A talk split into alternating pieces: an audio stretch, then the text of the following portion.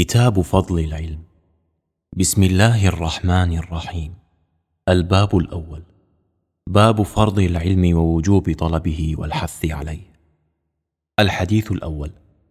أخبرنا محمد بن يعقوب عن علي بن إبراهيم بن هاشم عن أبيه عن الحسن بن أبي الحسين الفارسي عن عبد الله بن زيد عن أبيه عن أبي عبد الله عليه السلام قال قال رسول الله صلى الله عليه وآله طلب العلم فريضة على كل مسلم ألا إن الله يحب بغاة العلم.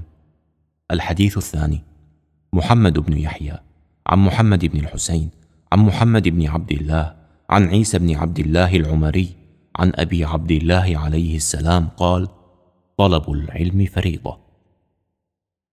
الحديث الثالث علي بن إبراهيم عن محمد بن عيسى عن يونس بن عبد الرحمن عن بعض أصحابه قال سئل أبو الحسن عليه السلام هل يسع الناس ترك المسألة عما يحتاجون إليه؟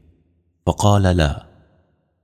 الحديث الرابع علي بن محمد وغيره عن سهل بن زياد ومحمد بن يحيى عن أحمد بن محمد بن عيسى جميعا عن ابن محبوب عن هشام بن سالم عن أبي حمزة عن أبي إسحاق السبيعي عمن حدثه.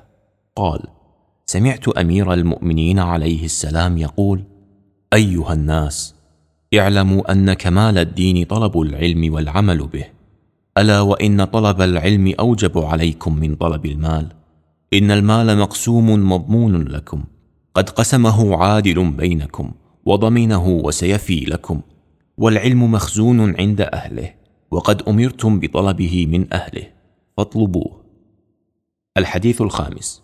عدة من أصحابنا عن أحمد بن محمد البرقي عن يعقوب بن يزيد عن أبي عبد الله رجل من أصحابنا رفعه قال قال أبو عبد الله عليه السلام قال رسول الله صلى الله عليه وآله طلب العلم فريضة. الحديث السادس. وفي حديث آخر قال قال أبو عبد الله عليه السلام قال رسول الله صلى الله عليه وآله طلب العلم فريضة على كل مسلم. ألا وإن الله يحب بغاة العلم. الحديث السابع. علي بن محمد بن عبد الله. عن أحمد بن محمد بن خالد. عن عثمان بن عيسى. عن علي بن أبي حمزة.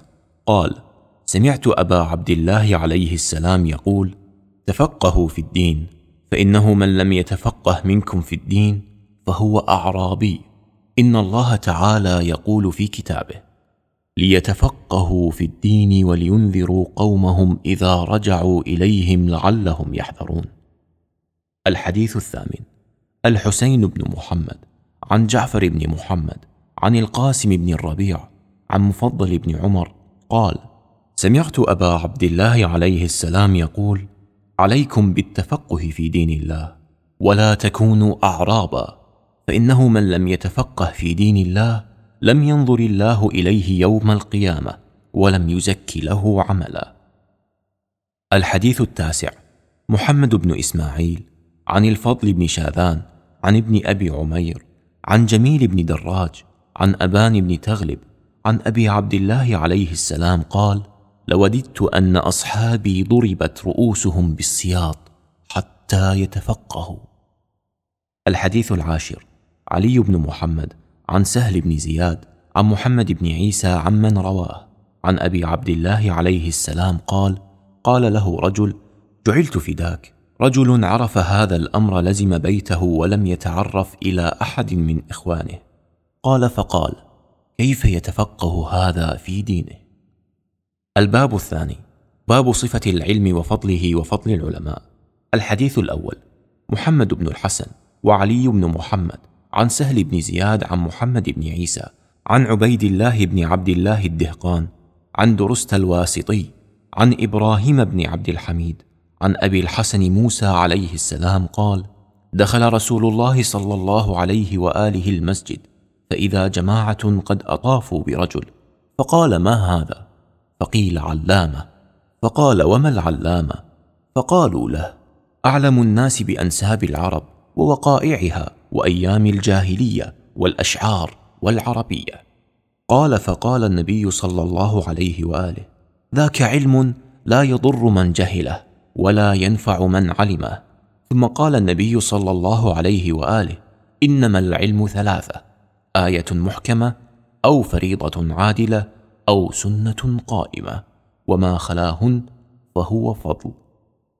الحديث الثاني محمد بن يحيى عن أحمد بن محمد بن عيسى عن محمد بن خالد عن أبي البختري عن أبي عبد الله عليه السلام قال إن العلماء ورثة الأنبياء وذاك أن الأنبياء لم يورثوا درهما ولا دينارا وإنما أورثوا أحاديث من أحاديثهم فمن أخذ بشيء منها فقد أخذ حظا وافرا. فانظروا علمكم هذا عمن تأخذونه. فإن فينا أهل البيت في كل خلف عدولا ينفون عنه تحريف الغالين وانتحال المبطلين وتأويل الجاهلين. الحديث الثالث الحسين بن محمد عن معل بن محمد عن الحسن بن علي الوشاء عن حماد بن عثمان عن أبي عبد الله عليه السلام قال إذا أراد الله بعبد خيرا فقهه في الدين.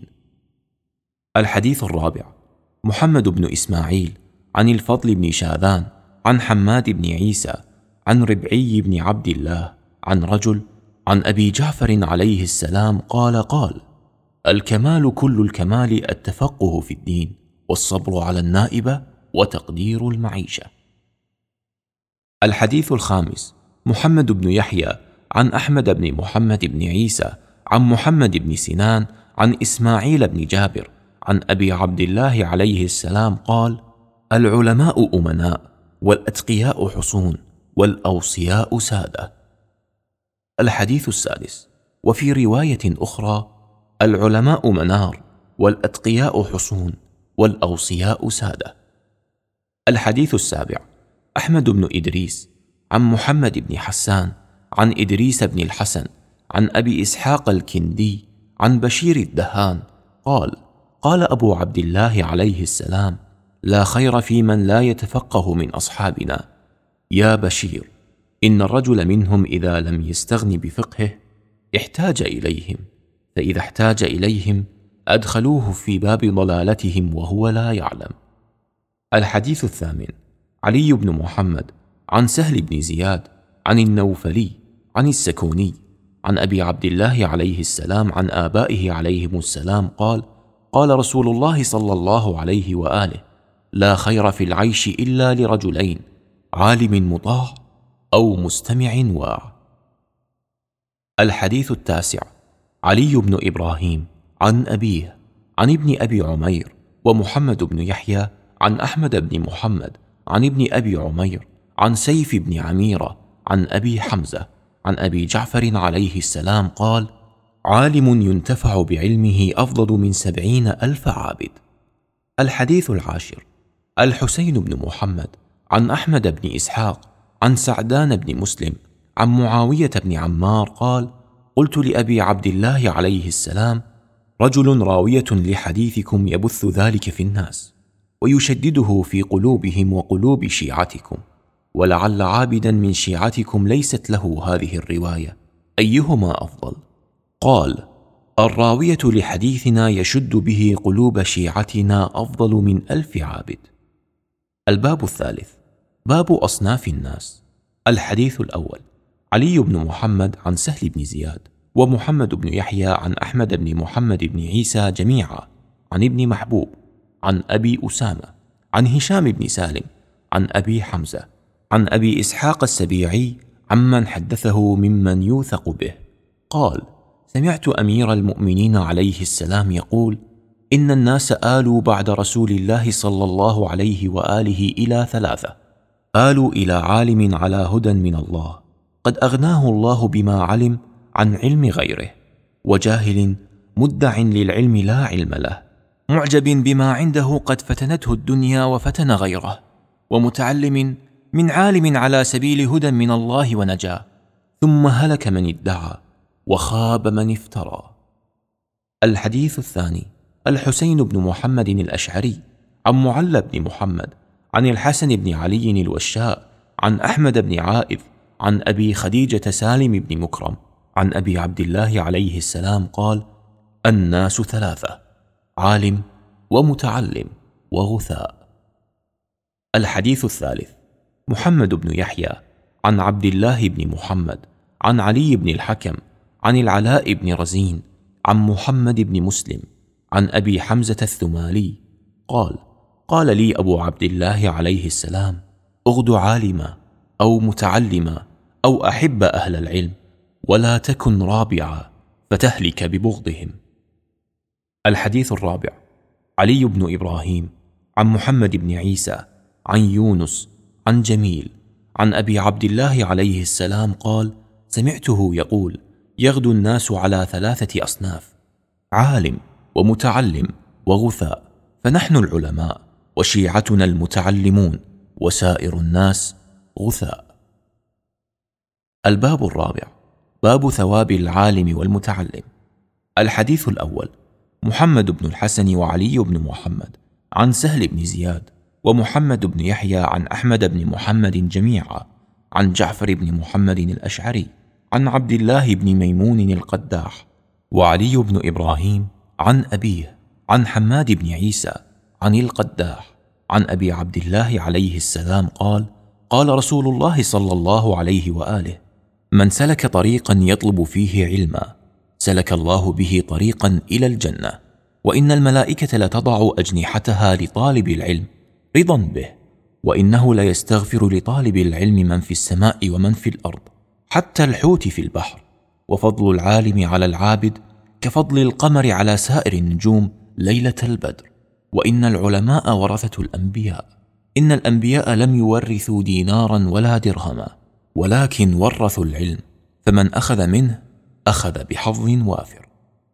الحديث الثاني محمد بن يحيى عن أحمد بن محمد عن الحسن بن محبوب عن جميل بن دراج عن محمد بن مسلم. عن أبي جعفر عليه السلام قال إن الذي يعلم العلم منكم له أجر مثل أجر المتعلم وله الفضل عليه. فتعلموا العلم من حملة العلم وعلموه إخوانكم كما علمكموه العلماء. الحديث الثالث. علي بن إبراهيم عن أحمد بن محمد البرقي عن علي بن الحكم عن علي بن أبي حمزة عن أبي بصير قال سمعت أبا عبد الله عليه السلام يقول من علم خيرا فله مثل أجر من عمل به.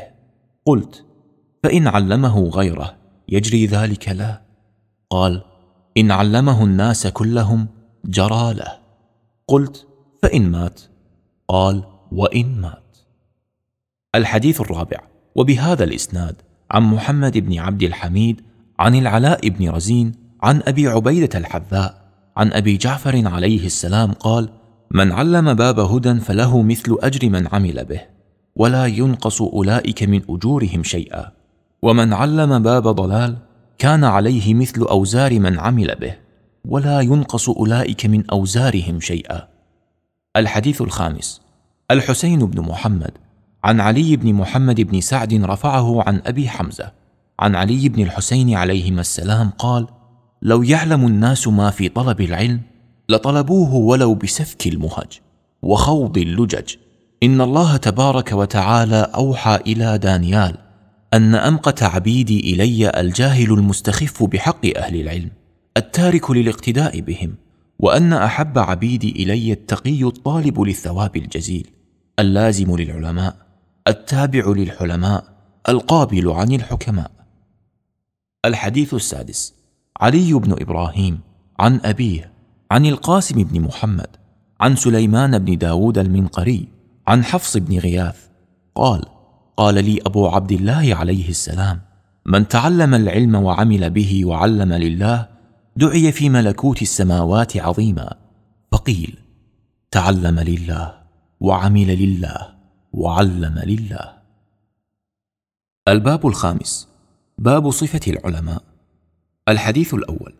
محمد بن يحيى العطار عن أحمد بن محمد بن عيسى عن الحسن بن محبوب عن معاوية بن وهب قال سمعت أبا عبد الله عليه السلام يقول اطلبوا العلم وتزينوا معه بالحلم والوقار وتواضعوا لمن تعلمونه العلم وتواضعوا لمن طلبتم منه العلم ولا تكونوا علماء جبارين فيذهب باطلكم بحقكم.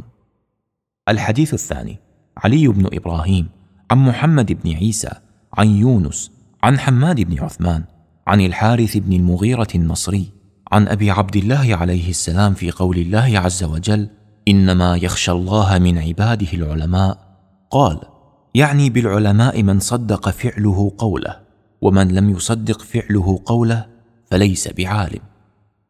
الحديث الثالث عدة من أصحابنا عن أحمد بن محمد البرقي عن إسماعيل بن مهران عن أبي سعيد القماط عن الحلبي عن أبي عبد الله عليه السلام قال قال أمير المؤمنين عليه السلام ألا أخبركم بالفقيه حق الفقيه؟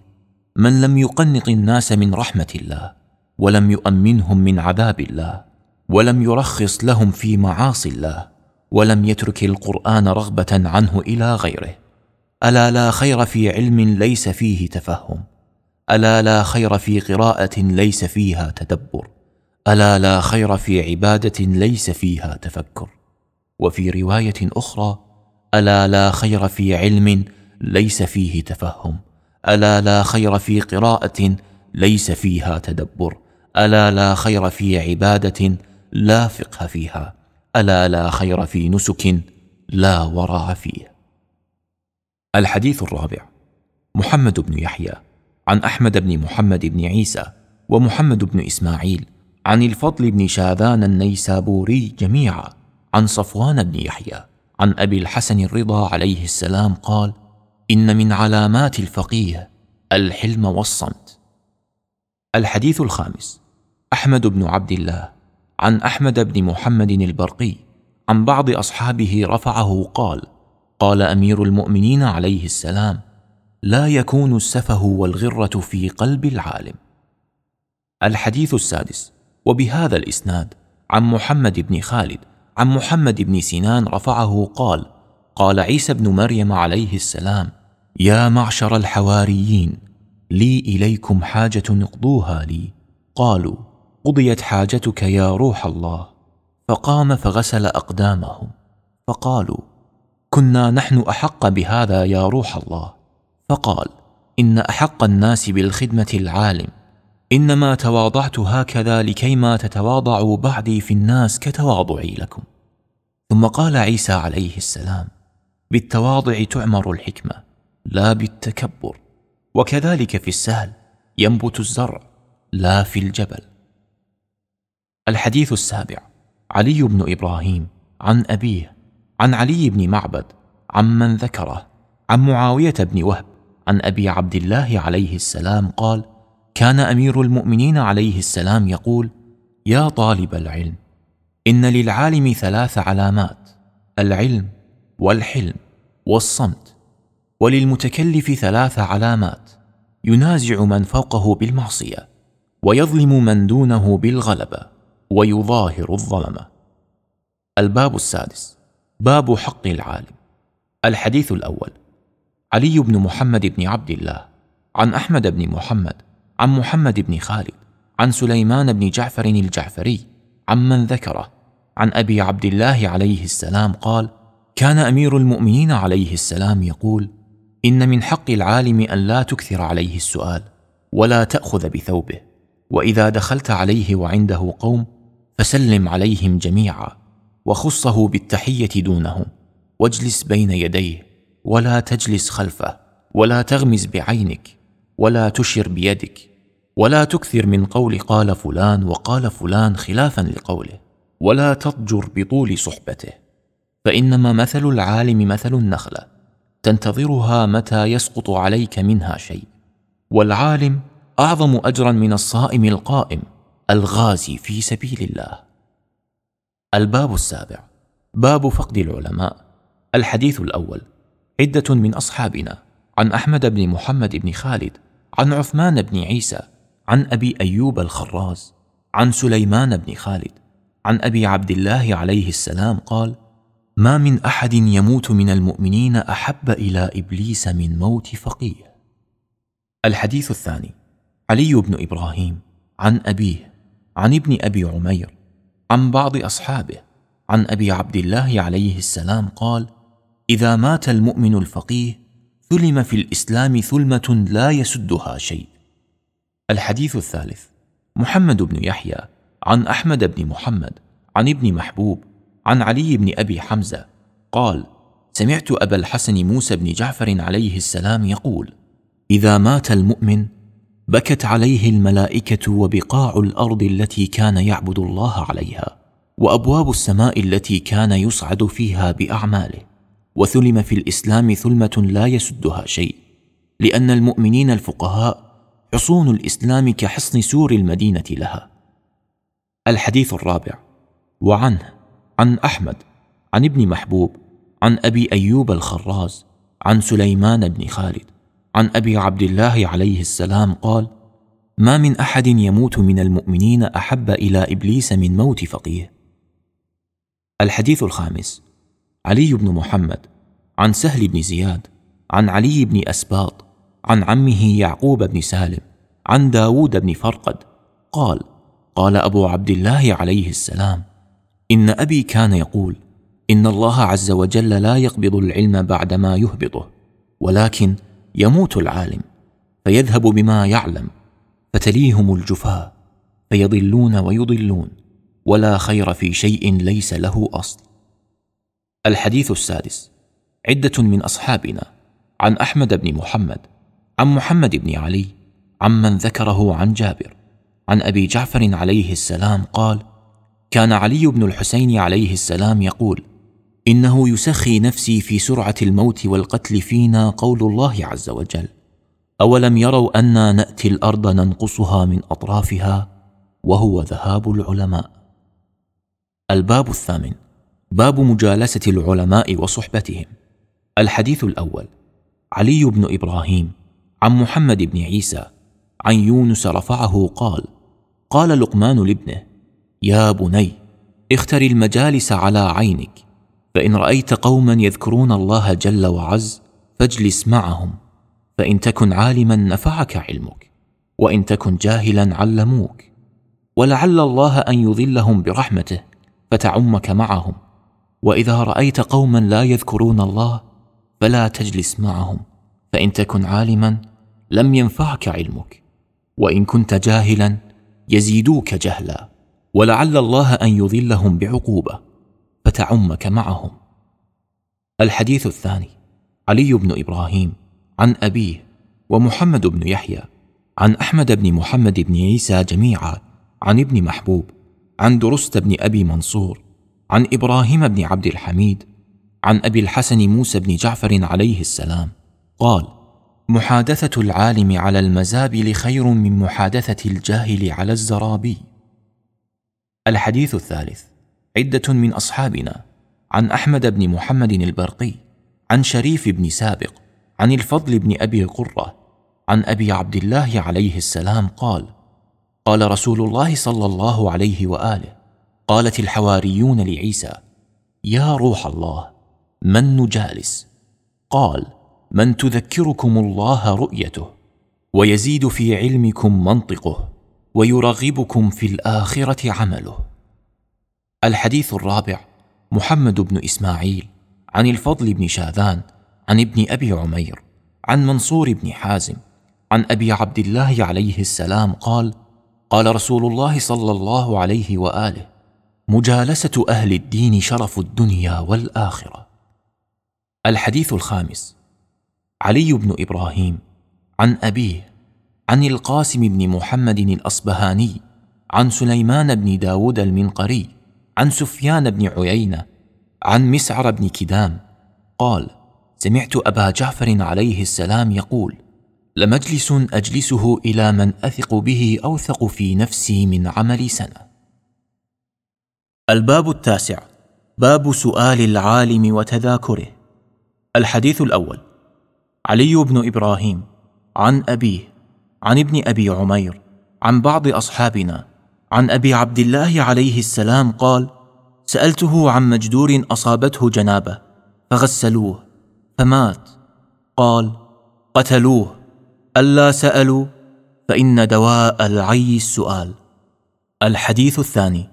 محمد بن يحيى عن أحمد بن محمد بن عيسى عن حماد بن عيسى عن حريز عن زرارة ومحمد بن مسلم وبريد العجلي قالوا قال أبو عبد الله عليه السلام لحمران بن أعين في شيء سأله إنما يهلك الناس لأنهم لا يسألون. الحديث الثالث علي بن محمد عن سهل بن زياد عن جعفر بن محمد الأشعري عن عبد الله بن ميمون القداح عن أبي عبد الله عليه السلام قال قال إن هذا العلم عليه قفل ومفتاحه المسألة. علي بن إبراهيم عن أبيه عن النوفل عن السكوني عن أبي عبد الله عليه السلام مثله. الحديث الرابع علي بن إبراهيم عن محمد بن عيسى بن عبيد عن يونس بن عبد الرحمن عن أبي جعفر الأحول عن أبي عبد الله عليه السلام قال لا يسع الناس حتى يسألوا ويتفقهوا ويعرفوا إمامهم ويسعهم أن يأخذوا بما يقول وإن كان تقية. الحديث الخامس علي عن محمد بن عيسى عن يونس عمن ذكره. عن أبي عبد الله عليه السلام قال قال رسول الله صلى الله عليه وآله اف لرجل لا يفرغ نفسه في كل جمعه لامر دينه فيتعاهده ويسال عن دينه. وفي روايه أخرى لكل مسلم. الحديث السادس علي بن إبراهيم عن أبيه عن ابن أبي عمير عن عبد الله بن سنان عن أبي عبد الله عليه السلام قال قال رسول الله صلى الله عليه وآله إن الله عز وجل يقول تذاكر العلم بين عبادي مما تحيا عليه القلوب الميتة إذا هم انتهوا فيه إلى أمري. الحديث السابع. محمد بن يحيى. عن أحمد بن محمد بن عيسى. عن محمد بن سنان. عن أبي الجارود. قال سمعت أبا جعفر عليه السلام يقول رحم الله عبدا أحيا العلم. قال قلت وما إحياؤه؟ قال أن يذاكر به أهل الدين وأهل الورع الحديث الثامن. محمد بن يحيى عن أحمد بن محمد عن عبد الله بن محمد الحجال عن بعض أصحابه رفعه قال قال رسول الله صلى الله عليه وآله تذاكروا وتلاقوا وتحدثوا فإن الحديث جلاء للقلوب. إن القلوب لترين كما يرين السيف. جلاؤها الحديث. الحديث التاسع. عدة من أصحابنا عن أحمد بن محمد بن خالد عن أبيه عن فضالة بن أيوب عن عمر بن أبان عن منصور الصيقل. قال سمعت أبا جعفر عليه السلام يقول تذاكر العلم دراسة والدراسة صلاة حسنة. الباب العاشر باب بذل العلم.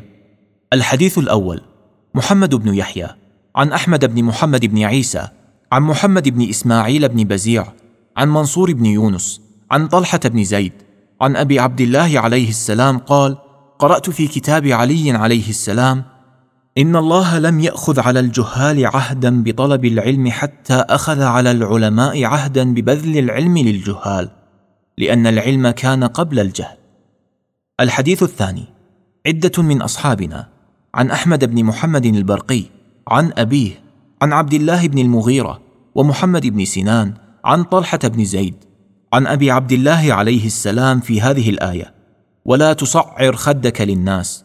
قال ليكن الناس عندك في العلم سواء. الحديث الثالث وبهذا الإسناد عن أبيه عن أحمد بن النضر عن عمرو بن شمر عن جابر عن أبي جعفر عليه السلام قال زكاة العلم أن تعلمه عباد الله. الحديث الرابع علي بن إبراهيم عن محمد بن عيسى بن عبيد عن يونس بن عبد الرحمن عمن ذكره عن أبي عبد الله عليه السلام قال قام عيسى بن مريم عليه السلام خطيبا في بني إسرائيل فقال يا بني إسرائيل لا تحدثوا الجهال بالحكمة فتظلموها ولا تمنعوها أهلها فتظلموهم. الباب الحادي عشر باب النهي عن القول بغير علم.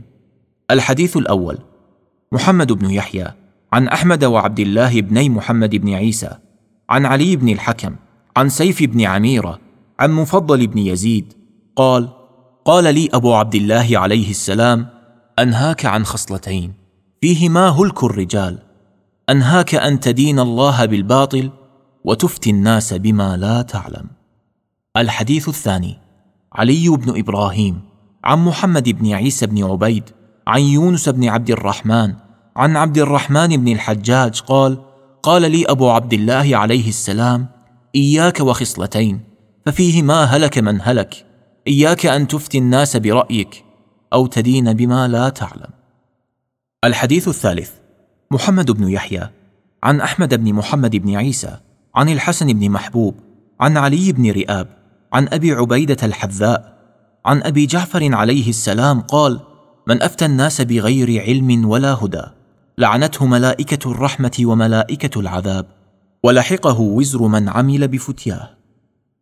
الحديث الرابع عدة من أصحابنا عن أحمد بن محمد بن خالد عن الحسن بن علي الوشاء عن أبان الأحمر عن زياد بن أبي رجاء عن أبي جعفر عليه السلام قال ما علمتم فقولوا وما لم تعلموا فقولوا الله أعلم.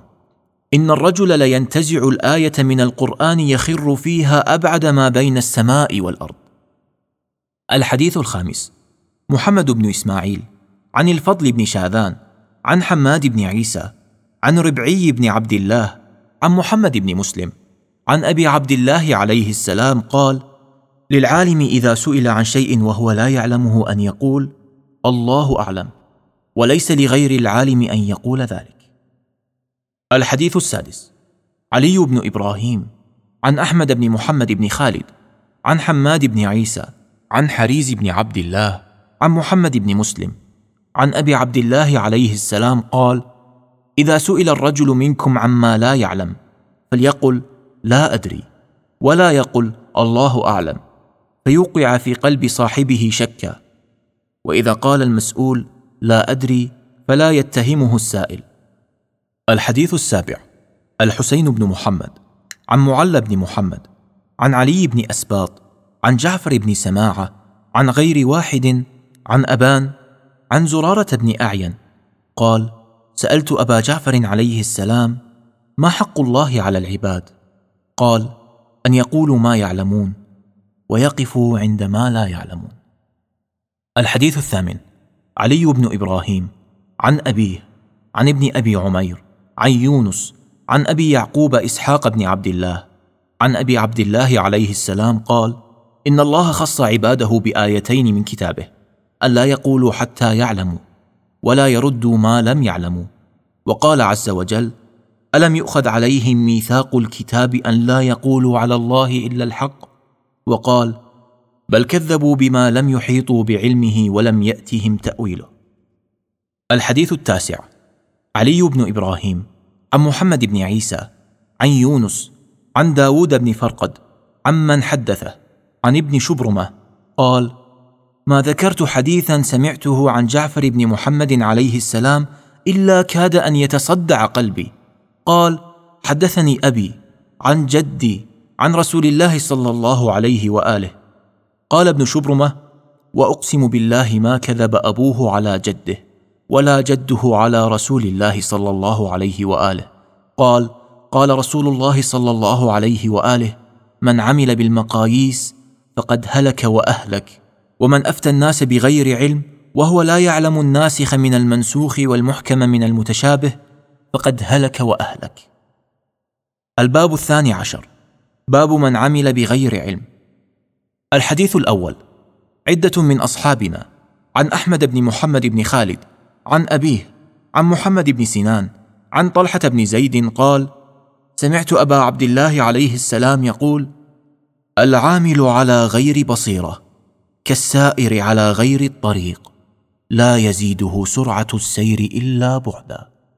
الحديث الثاني محمد بن يحيى عن أحمد بن محمد بن عيسى عن محمد بن سنان عن ابن مسكان عن الحسن الصيقل قال سمعت أبا عبد الله عليه السلام يقول لا يقبل الله عملا إلا بمعرفة ولا معرفة إلا بعمل. فمن عرف دلته المعرفة على العمل ومن لم يعمل فلا معرفة له. ألا إن الإيمان بعضه من بعض. الحديث الثالث.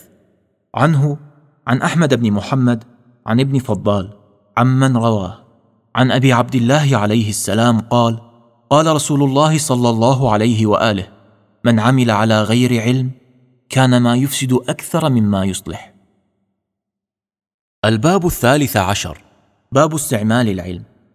الحديث الأول محمد بن يحيى عن أحمد بن محمد بن عيسى عن حماد بن عيسى عن عمر بن أذينة عن أبان بن أبي عياش عن سليم بن قيس الهلالي قال سمعت أمير المؤمنين عليه السلام يحدث عن النبي صلى الله عليه وآله أنه قال في كلام له العلماء رجلان رجل عالم آخذ بعلمه فهذا ناج وعالم تارك لعلمه فهذا هالك وإن أهل النار ليتأذون من ريح العالم التارك لعلمه وإن أشد أهل النار ندامة وحسرة رجل دعا عبدا إلى الله فاستجاب له وقبل منه فأطاع الله فأدخله الله الجنة وأدخل الداعي النار بتركه علمه واتباعه الهوى وطول الأمل. أما اتباع الهوى فيصد عن الحق وطول الأمل ينسي الآخرة. الحديث الثاني محمد بن يحيى عن أحمد بن محمد عن محمد بن سنان عن إسماعيل بن جابر عن أبي عبد الله عليه السلام قال العلم مقرون إلى العمل فمن علم عمل ومن عمل علم والعلم يهتف بالعمل فإن أجابه وإلا ارتحل عنه. الحديث الثالث عدة من أصحابنا عن أحمد بن محمد بن خالد عن علي بن محمد القاساني عمن ذكره عن عبد الله بن القاسم الجعفري عن أبي عبد الله عليه السلام قال إن العالم إذا لم يعمل بعلمه زلت موعظته عن القلوب كما يزل المطر عن الصفا. الحديث الرابع علي بن إبراهيم عن أبيه عن القاسم بن محمد عن المنقري عن علي بن هاشم بن البريد عن أبيه قال جاء رجل إلى علي بن الحسين عليه السلام فسأله عن مسائل فأجاب ثم عاد ليسأل عن مثلها فقال علي بن الحسين عليه السلام مكتوب في الإنجيل لا تطلبوا علم ما لا تعلمون ولما تعملوا بما علمتم. فإن العلم إذا لم يعمل به لم يزدد صاحبه إلا كفرا ولم يزدد من الله إلا بعدا. الحديث الخامس محمد بن يحيى عن أحمد بن محمد بن عيسى عن محمد بن سنان عن المفضل بن عمر عن أبي عبد الله عليه السلام قال قلت له بما يعرف الناجي؟ قال من كان فعله لقوله موافقا فأثبت له الشهادة. ومن لم يكن فعله لقوله موافقا فإنما ذلك مستودع. الحديث السادس. عدة من أصحابنا عن أحمد بن محمد بن خالد عن أبيه رفعه قال قال أمير المؤمنين عليه السلام في كلام له خطب به على المنبر أيها الناس إذا علمتم فاعملوا بما علمتم لعلكم تهتدون. إن العالم العامل بغيره كالجاهل الحائر الذي لا يستفيق عن جهله. بل قد رأيت أن الحجة عليه أعظم والحسرة أدوم على هذا العالم المنسلخ من علمه منها على هذا الجاهل المتحير في جهله. وكلاهما حائر بائر لا ترتابوا فتشكوا ولا تشكوا فتكفروا. ولا ترخصوا لأنفسكم فتدهنوا ولا تدهنوا في الحق فتخسروا وإن من الحق أن تفقهوا ومن الفقه أن لا تغتروا وإن أنصحكم لنفسه أطوعكم لربه وأغشكم لنفسه أعصاكم لربه ومن يطع الله يأمن ويستبشر ومن يعص الله يخب ويندم. الحديث السابع عدة من أصحابنا عن أحمد بن محمد بن خالد عن أبيه عمن ذكره. عن محمد بن عبد الرحمن بن أبي ليلى عن أبيه. قال سمعت أبا جعفر عليه السلام يقول إذا سمعتم العلم فاستعملوه ولتتسع قلوبكم فإن العلم إذا كثر في قلب رجل لا يحتمله قدر الشيطان عليه. فإذا خاصمكم الشيطان فأقبلوا عليه بما تعرفون فإن كيد الشيطان كان ضعيفا. فقلت وما الذي نعرفه؟ قال خاصموه بما ظهر لكم من قدرة الله عز وجل. الباب الرابع عشر. باب المستأكل بعلمه والمباه به. الحديث الأول. محمد بن يحيى عن أحمد بن محمد بن عيسى وعلي بن إبراهيم عن أبيه جميعا عن حماد بن عيسى عن عمر بن أذينة عن أبان بن أبي عياش عن سليم بن قيس. قال سمعت أمير المؤمنين عليه السلام يقول قال رسول الله صلى الله عليه وآله من همان لا يشبعان طالب دنيا وطالب علم فمن اقتصر من الدنيا على ما أحل الله له سلم ومن تناولها من غير حلها هلك إلا أن يتوب أو يراجع ومن أخذ العلم من أهله وعمل بعلمه نجا ومن أراد به الدنيا فهي حظه. الحديث الثاني الحسين بن محمد بن عامر عن معل بن محمد عن الحسن بن علي الوشاء عن أحمد بن عائذ عن أبي خديجة عن أبي عبد الله عليه السلام قال من أراد الحديث لمنفعة الدنيا لم يكن له في الآخرة نصيب ومن أراد به خير الآخرة أعطاه الله خير الدنيا والآخرة. الحديث الثالث علي بن إبراهيم عن أبيه عن القاسم بن محمد الأصبهاني عن المنقري عن حفص بن غياث عن أبي عبد الله عليه السلام قال من أراد الحديث لمنفعة الدنيا لم يكن له في الآخرة نصيب.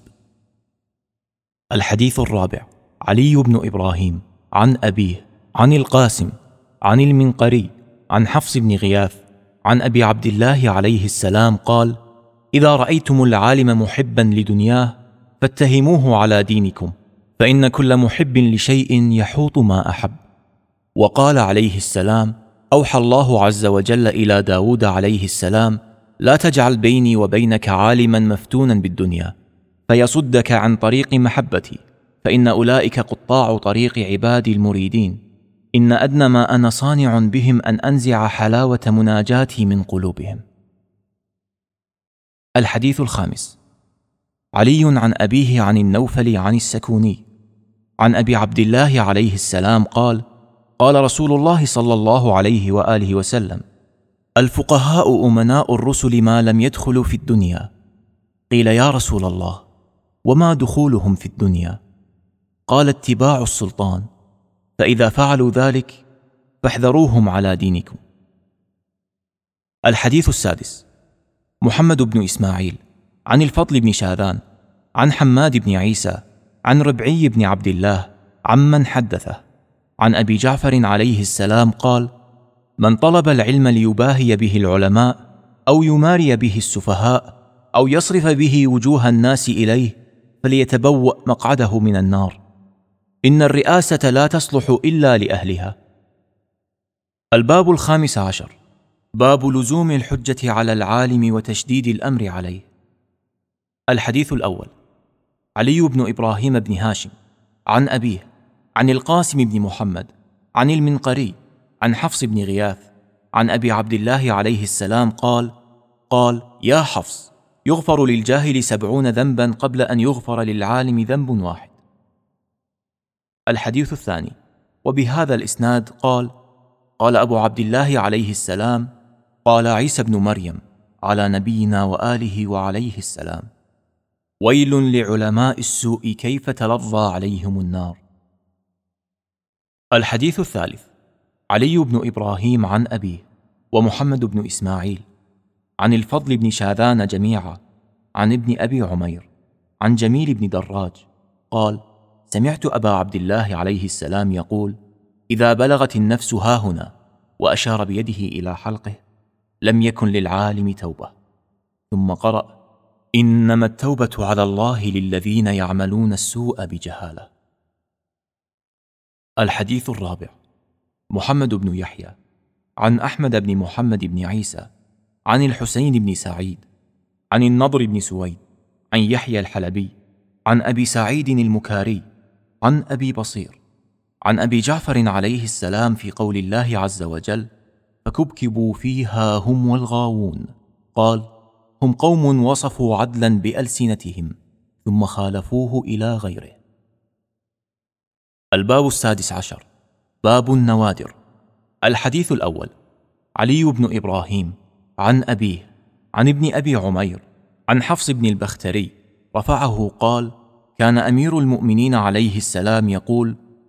روحوا أنفسكم ببديع الحكمة فإنها تكل كما تكل الأبدان.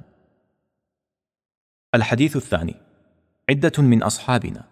عن أحمد بن محمد. عن نوح بن شعيب النيسابوري. عن عبيد الله بن عبد الله الدهقان. عن درست بن أبي منصور. عن عروة بن أخي شعيب العقرقوفي. عن شعيب عن أبي بصير قال سمعت أبا عبد الله عليه السلام يقول كان أمير المؤمنين عليه السلام يقول يا طالب العلم إن العلم ذو فضائل كثيرة. فرأسه التواضع وعينه البراءة من الحسد وأذنه الفهم ولسانه الصدق وحفظه الفحص وقلبه حسن النية وعقله معرفة الأشياء والأمور ويده الرحمة ورجله زيارة العلماء وهمته السلامة وحكمته الورع ومستقره النجاة وقائده العافية ومركبه الوفاء وسلاحه لين الكلمة. وسيفه الرضا وقوسه المداراه وجيشه محاورة العلماء وماله الأدب وذخيرته اجتناب الذنوب وزاده المعروف ومأواه الموادعه ودليله الهدى ورفيقه محبة الأخيار. الحديث الثالث محمد بن يحيى عن أحمد بن محمد بن عيسى عن أحمد بن محمد بن أبي نصر عن حماد بن عثمان عن أبي عبد الله عليه السلام قال قال رسول الله صلى الله عليه وآله نعم وزير الإيمان العلم ونعم وزير العلم الحلم ونعم وزير الحلم الرفق ونعم وزير الرفق العبرة. الحديث الرابع علي بن محمد عن سهل بن زياد عن جعفر بن محمد الأشعري عن عبد الله بن ميمون القداح عن أبي عبد الله عليه السلام عن آبائه عليهم السلام قال جاء رجل إلى رسول الله صلى الله عليه وآله فقال يا رسول الله ما العلم؟ قال الإنصات. قال ثم ما قال الاستماع. قال ثم ما قال الحفظ. قال ثم ما قال العمل به. قال ثم ما يا رسول الله. قال نشره. الحديث الخامس. علي بن إبراهيم رفعه إلى أبي عبد الله عليه السلام قال طلبة العلم ثلاثة فاعرفهم بأعيانهم وصفاتهم. صنف يطلبه للجهل والمراء وصنف يطلبه للاستطالة والختل وصنف يطلبه للفقه والعقل. فصاحب الجهل والمراء موذ ممار. متعرض للمقال في أندية الرجال بتذاكر العلم وصفة الحلم. قد تسربل بالخشوع وتخلى من الورع فدق الله من هذا خيشومة وقطع منه حيزومة وصاحب الاستطالة والختل ذو خب وملق. يستطيل على مثله من أشباهه ويتواضع للأغنياء من دونه. فهو لحلوائهم هاضم ولدينه حاطم فأعمى الله على هذا خبره. وقطع من آثار العلماء أثره وصاحب الفقه والعقل ذو كآبة وحزن وسهر. قد تحنك في برنسه وقام الليل في حندسه. يعمل ويخشى وجلا داعيا مشفقا مقبلا على شأنه عارفا بأهل زمانه مستوحشا من أوثق إخوانه. فشد الله من هذا أركانه وأعطاه يوم القيامة أمانة. وحدثني به محمد بن محمود أبو عبد الله القزويني عن عدة من أصحابنا منهم جعفر بن محمد الصيقل بقزوين عن أحمد بن عيسى العلوي عن عباد بن صهيب البصري عن أبي عبد الله عليه السلام. الحديث السادس علي بن إبراهيم عن أبيه عن محمد بن يحيى عن طلحة بن زيد قال سمعت أبا عبد الله عليه السلام يقول إن رواة الكتاب كثير وإن رعاته قليل وكم من مستنصح للحديث مستغش للكتاب فالعلماء يحزنهم ترك الرعاية والجهال يحزنهم حفظ الرواية. فراع يرعى حياته وراع يرعى هلكته. فعند ذلك اختلف الراعيان وتغاير الفريقان. الحديث السابع. الحسين بن محمد الأشعري عن معل بن محمد عن محمد بن جمهور عن عبد الرحمن بن أبي نجران عمن ذكره. عن أبي عبد الله عليه السلام قال من حفظ من أحاديثنا أربعين حديثا بعثه الله يوم القيامة عالما فقيها. الحديث الثامن عدة من أصحابنا عن أحمد بن محمد بن خالد عن أبيه عمن ذكره عن زيد الشحام عن أبي جعفر عليه السلام في قول الله عز وجل فلينظر الإنسان إلى طعامه. قال قلت ما طعامه؟ قال علمه الذي يأخذه عمن يأخذه. الحديث التاسع محمد بن يحيى عن أحمد بن محمد بن عيسى عن علي بن النعمان عن عبد الله بن مسكان عن داود بن فرقد عن أبي سعيد الزهري عن أبي جعفر عليه السلام قال الوقوف عند الشبهة خير من الاقتحام في الهلكة وتركك حديثا لم تروه خير من روايتك حديثا لم تحصه. الحديث العاشر محمد عن أحمد عن ابن فضال عن ابن بكير عن حمزة بن الطيار أنه عرض على أبي عبد الله عليه السلام بعض خطب أبيه حتى إذا بلغ موضعا منها قال له كف واسكت. ثم قال أبو عبد الله عليه السلام لا يسعكم فيما ينزل بكم مما لا تعلمون إلا الكف عنه والتثبت والرد إلى أئمة الهدى حتى يحملوكم فيه على القصد ويجلو عنكم فيه العمى ويعرفوكم فيه الحق. قال الله تعالى فاسألوا أهل الذكر إن كنتم لا تعلمون. الحديث الحادي عشر علي بن إبراهيم عن أبيه عن القاسم بن محمد عن المنقري عن سفيان بن عيينة. قال سمعت أبا عبد الله عليه السلام يقول وجدت علم الناس كله في أربع أولها أن تعرف ربك والثاني أن تعرف ما صنع بك والثالث أن تعرف ما أراد منك والرابع أن تعرف ما يخرجك من دينك. الحديث الثاني عشر. علي بن إبراهيم عن أبيه. عن ابن أبي عمير عن هشام بن سالم قال قلت لأبي عبد الله عليه السلام ما حق الله على خلقه؟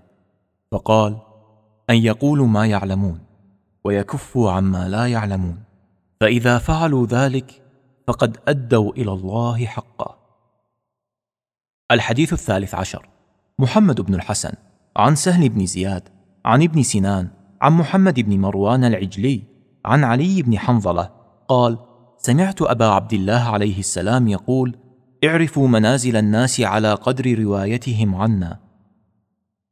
الحديث الرابع عشر. الحسين بن الحسن عن محمد بن زكريا الغلابي عن ابن عائشة البصري رفعه أن أمير المؤمنين عليه السلام قال في بعض خطبه أيها الناس اعلموا أنه ليس بعاقل من انزعج من قول الزور فيه. ولا بحكيم من رضي بثناء الجاهل عليه. الناس أبناء ما يحسنون وقدر كل امرئ ما يحسن. فتكلموا في العلم تبين أقداركم. الحديث الخامس عشر. الحسين بن محمد عن معل بن محمد عن الوشاء عن أبان بن عثمان عن عبد الله بن سليمان قال سمعت أبا جعفر عليه السلام يقول وعنده رجل من أهل البصرة يقال له عثمان الأعمى وهو يقول إن الحسن البصري يزعم أن الذين يكتمون العلم يؤذي ريح بطونهم أهل النار. فقال أبو جعفر عليه السلام فهلك اذا مؤمن آل فرعون؟ ما زال العلم مكتوما منذ بعث الله نوحا فليذهب الحسن يمينا وشمالا فوالله ما يوجد العلم إلا هاهنا الباب السابع عشر. باب رواية الكتب والحديث وفضل الكتابة والتمسك بالكتب. الحديث الأول. علي بن إبراهيم. عن أبيه. عن ابن أبي عمير. عن منصور بن يونس. عن أبي بصير قال قلت لأبي عبد الله عليه السلام قول الله جل ثناؤه الذين يستمعون القول فيتبعون أحسنه. قال هو الرجل يسمع الحديث فيحدث به كما سمعه لا يزيد فيه ولا ينقص منه. الحديث الثاني محمد بن يحيى عن محمد بن الحسين عن ابن أبي عمير عن ابن أذينة عن محمد بن مسلم قال قلت لأبي عبد الله عليه السلام أسمع الحديث منك فأزيد وأنقص. قال إن كنت تريد معانيه فلا بأس. الحديث الثالث وعنه عن محمد بن الحسين عن ابن سنان عن داود بن فرقد. قال قلت لأبي عبد الله عليه السلام إني أسمع الكلام منك فأريد أن أرويه كما سمعته منك فلا يجيء. قال فتتعمد ذلك؟ قلت لا. فقال تريد المعاني؟ قلت نعم. قال فلا بأس. الحديث الرابع. وعنه عن أحمد بن محمد بن عيسى عن الحسين بن سعيد عن القاسم بن محمد عن علي بن أبي حمزة عن أبي بصير. قال قلت لأبي عبد الله عليه السلام الحديث أسمعه منك أرويه عن أبيك أو أسمعه من أبيك أرويه عنك. قال سواء إلا أنك ترويه عن أبي أحب إلي. وقال أبو عبد الله عليه السلام لجميل ما سمعت مني فروه عن أبي. الحديث الخامس. وعنه عن أحمد بن محمد ومحمد بن الحسين عن ابن محبوب عن عبد الله بن سنان قال قلت لأبي عبد الله عليه السلام يجيئني القوم فيستمعون مني حديثكم فأضجر ولا أقوى. قال فاقرأ عليهم من أوله حديثا ومن وسطه حديثا ومن آخره حديثا. الحديث السادس. عنه بإسناده عن أحمد بن عمر الحلال. قال قلت لأبي الحسن الرضا عليه السلام الرجل من أصحابنا يعطيني الكتاب ولا يقول اروه عني يجوز لي أن أرويه عنه؟ قال فقال إذا علمت أن الكتاب له فاروه عنه. الحديث السابع. علي بن إبراهيم عن أبيه وعن أحمد بن محمد بن خالد. عن النوفلي عن السكوني عن أبي عبد الله عليه السلام قال قال أمير المؤمنين عليه السلام إذا حدثتم بحديث فأسندوه إلى الذي حدثكم فإن كان حقا فلكم وإن كان كذبا فعليه. الحديث الثامن علي بن محمد بن عبد الله عن أحمد بن محمد عن أبي أيوب المدني عن ابن أبي عمير عن حسين الأحمسي عن أبي عبد الله عليه السلام قال القلب يتكل على الكتابة. الحديث التاسع الحسين بن محمد عن معلى بن محمد عن الحسن بن علي الوشاء عن عاصم بن حميد عن أبي بصير قال سمعت أبا عبد الله عليه السلام يقول اكتبوا فإنكم لا تحفظون حتى تكتبوا. الحديث العاشر محمد بن يحيى عن أحمد بن محمد بن عيسى عن الحسن بن علي بن فضال عن ابن بكير عن عبيد بن زرارة قال قال أبو عبد الله عليه السلام احتفظوا بكتبكم فإنكم سوف تحتاجون إليها. الحديث الحادي عشر. عدة من أصحابنا عن أحمد بن محمد بن خالد البرقي عن بعض أصحابه عن أبي سعيد الخيبري عن المفضل بن عمر.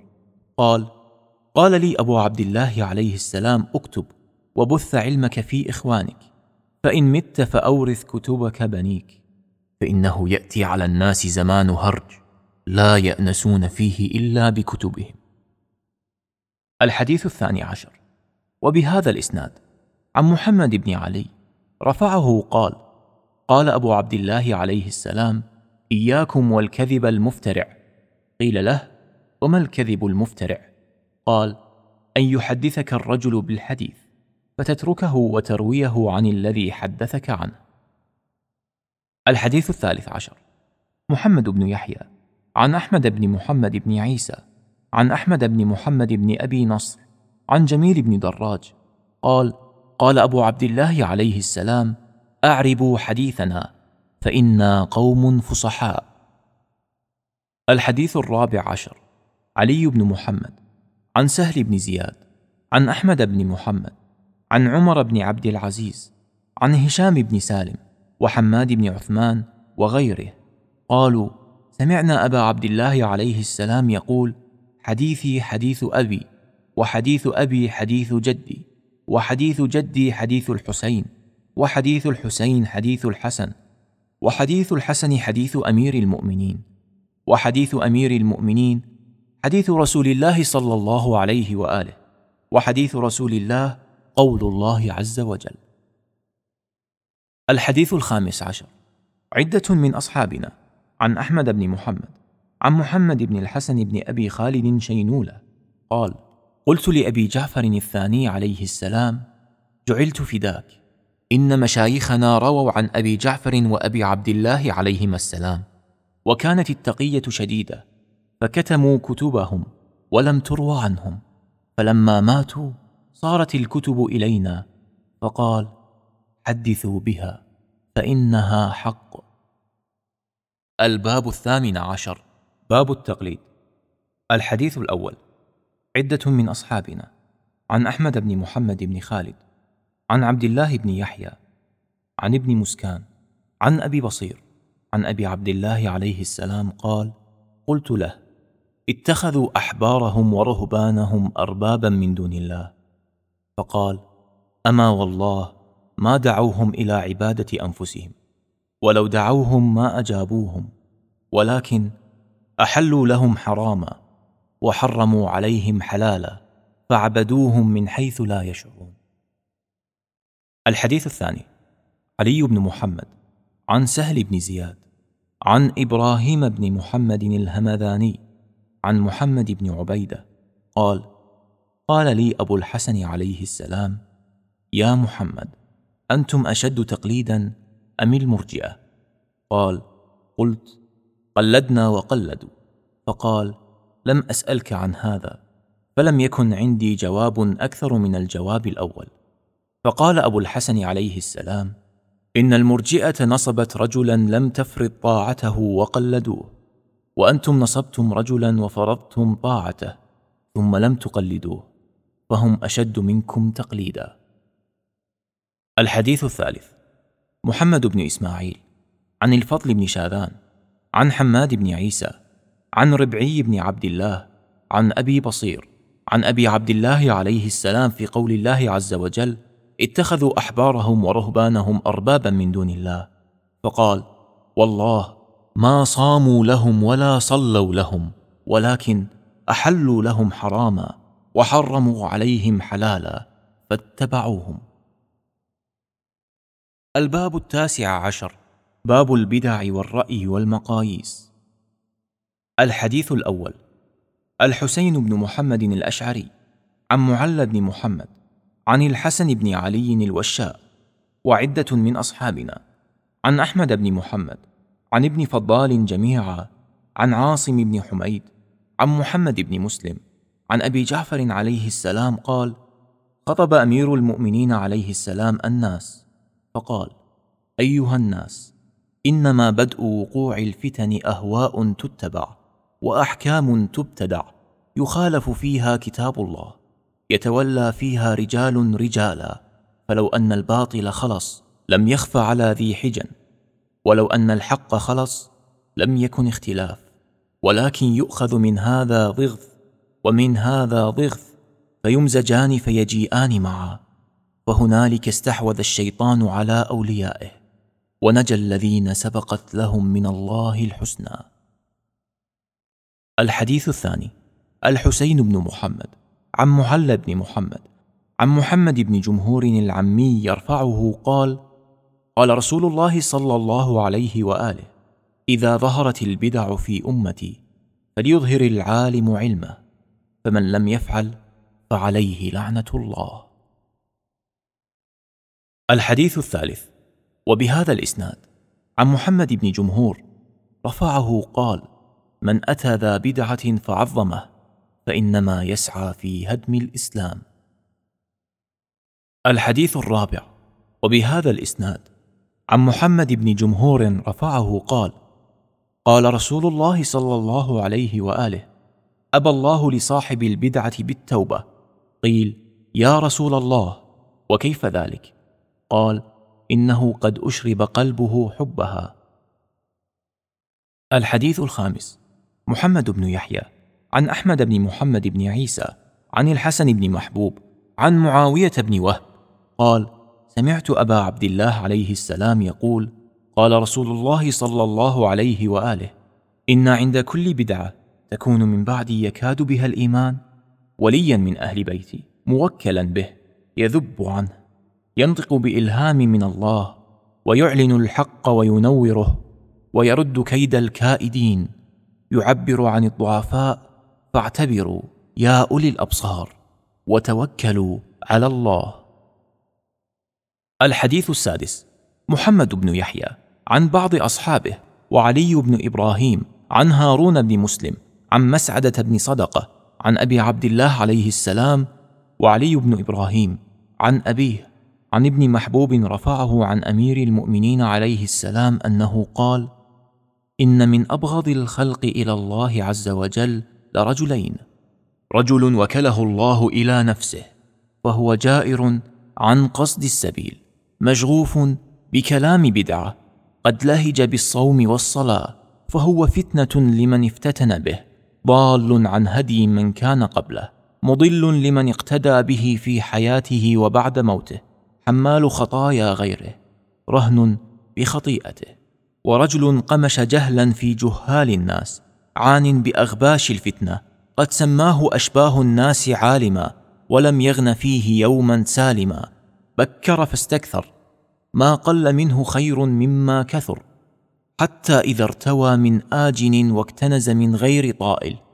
جلس بين الناس قاضيا ضامنا لتخليص ما التبس على غيره. وإن خالف قاضيا سبقه لم يأمن أن ينقض حكمه من يأتي بعده. كفعله بمن كان قبله. وإن نزلت به إحدى المبهمات المعضلات هيأ لها حشوا من رأيه ثم قطع به فهو من لبس الشبهات في مثل غزل العنكبوت.